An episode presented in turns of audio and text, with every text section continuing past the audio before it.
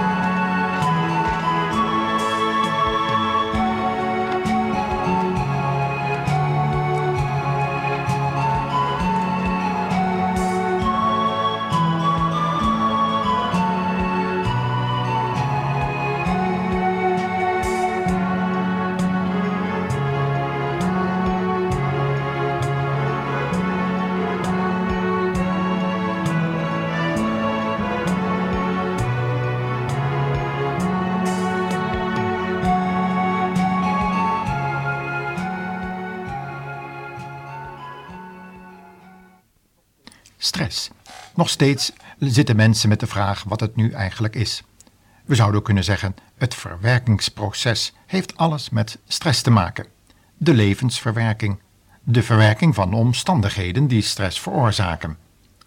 We hebben gezegd dat dit programma heet Het denkvermogen in disharmonie.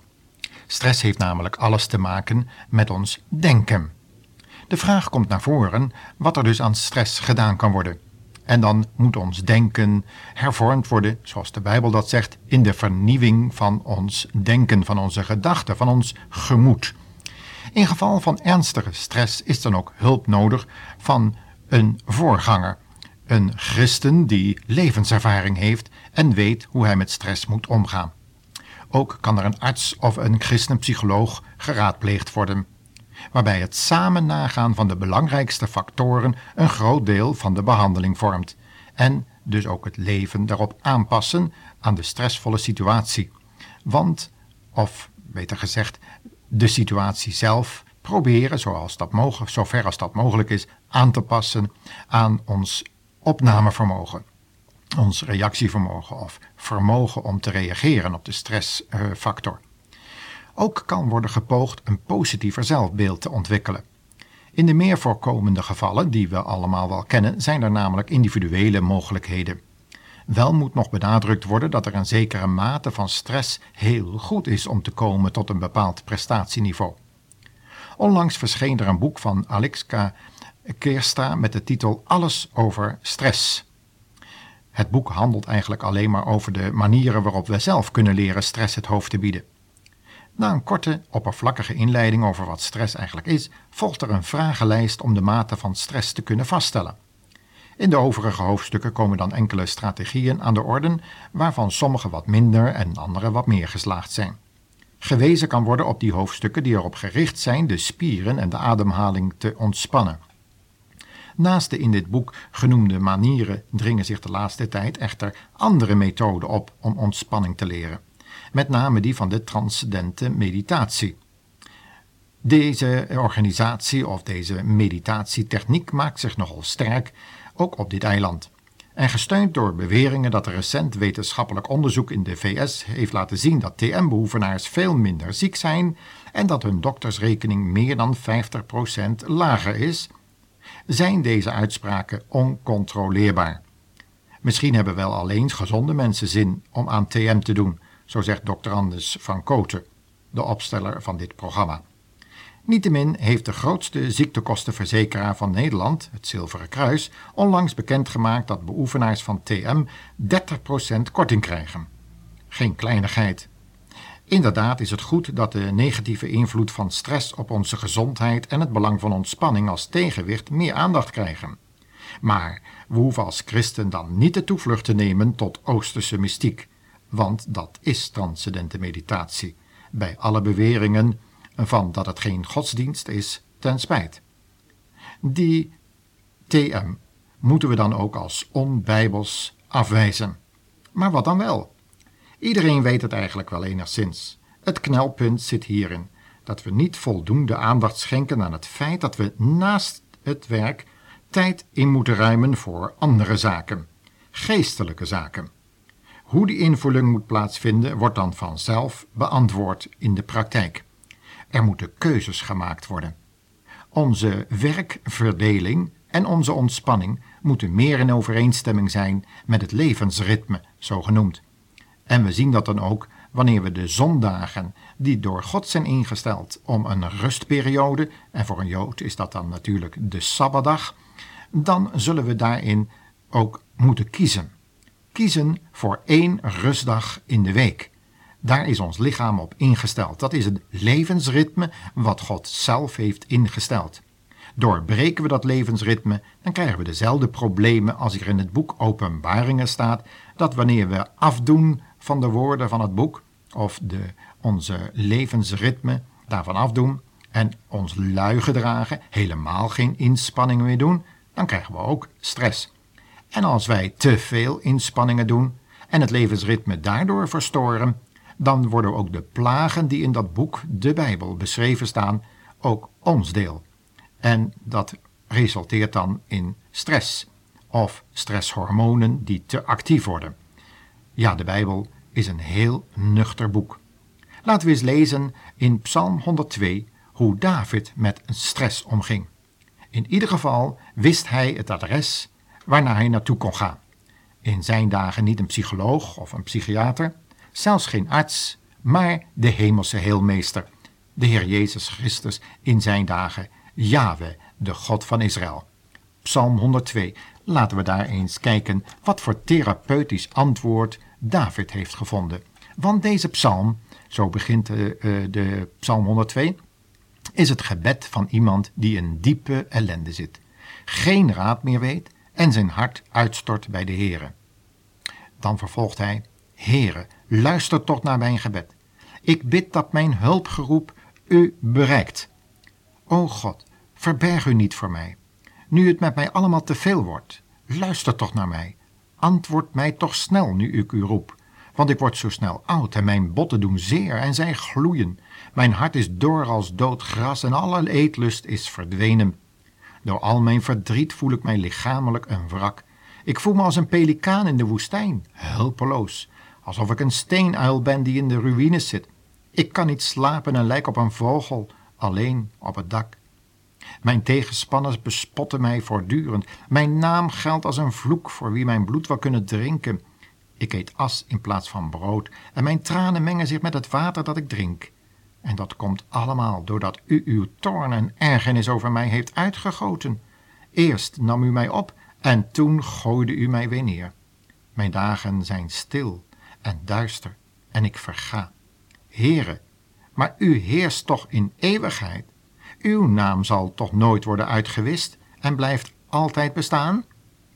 En zo eindigt de eerste strofe van deze psalm in een roep naar de naam en de kwaliteiten van de God der goden en de Heer der heren en waar David bij schuilde. En dat is ook in dit programma een oproep gelijk voor de luisteraar om te schuilen bij de rots van Israël. Voor ons, christenen, is dat de Heer Jezus Christus, de Messias die komen zou en die door Jezaja genoemd wordt een rots waar je kan schuilen.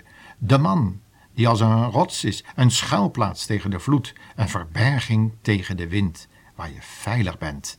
Tegen Mozes werd het al gezegd: Kom bij mij, stel je op de rots en verberg je achter de holligheid van mijn hand. Wat geweldig dat wij zo'n God hebben, waar we kunnen schuilen. En daar in het vervolg van deze psalm zullen we zo dadelijk nog op terugkomen, want daar vindt David de oplossing tegen stress. Ja, stress. Het zijn omstandigheden die als reuzen op je afkomen. Beloftes die niet lijken uit te komen. Mensen die op je voeten staan, die op je tenen staan. En mensen die teleurstellen. Verwarring, stress. Het lijkt op de toren van Babel. Laten we eens luisteren wat deze kinderen daarvan zeggen.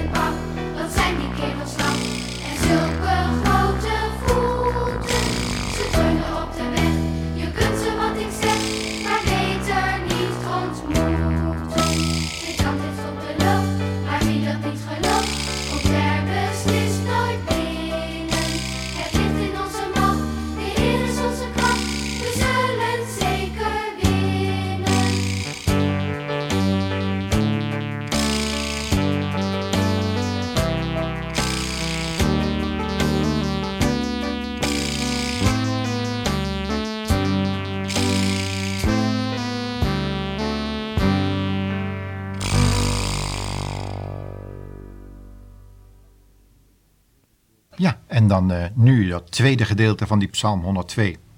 Dat begint al, voor de luisteraar die meeleest, bij vers 13. Daar eindigt David zijn klaagzang en hij begint over de kwaliteiten, de naam van God na te denken. Here, zegt hij, u heerst tot in eeuwigheid. Uw naam zal nooit worden uitgewist en blijft altijd bestaan. Eens zult u zich toch over Jeruzalem komen ontfermen. De tijd is aangebroken om uw stad genade te geven. Uw dienaren houden van deze stad en hebben medelijden met de puinhopen die daar liggen. Dan zullen alle volken ter wereld eerbied en ontzag hebben voor de naam van de Heere. Alle heersers zullen uw grootheid erkennen. Dan zal de Heer Jeruzalem weer herbouwen en er met zijn grootheid en macht gaan wonen.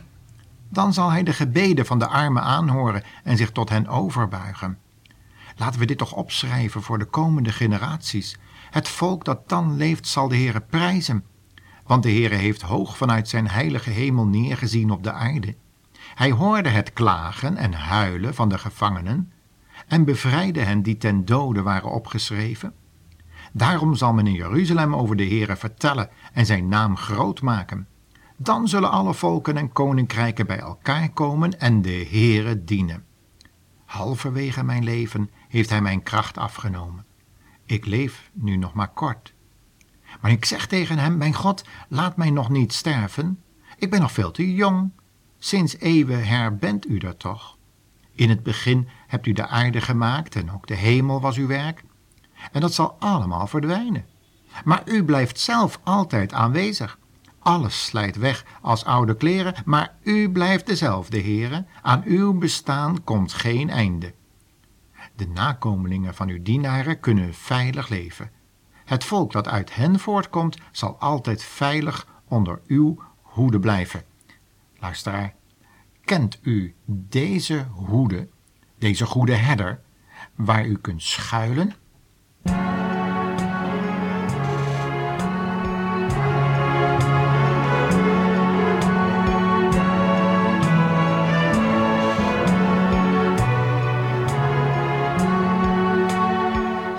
In een volgend programma zullen we samen een interview beluisteren wat ooit eens op een ander radiostation is uitgezonden.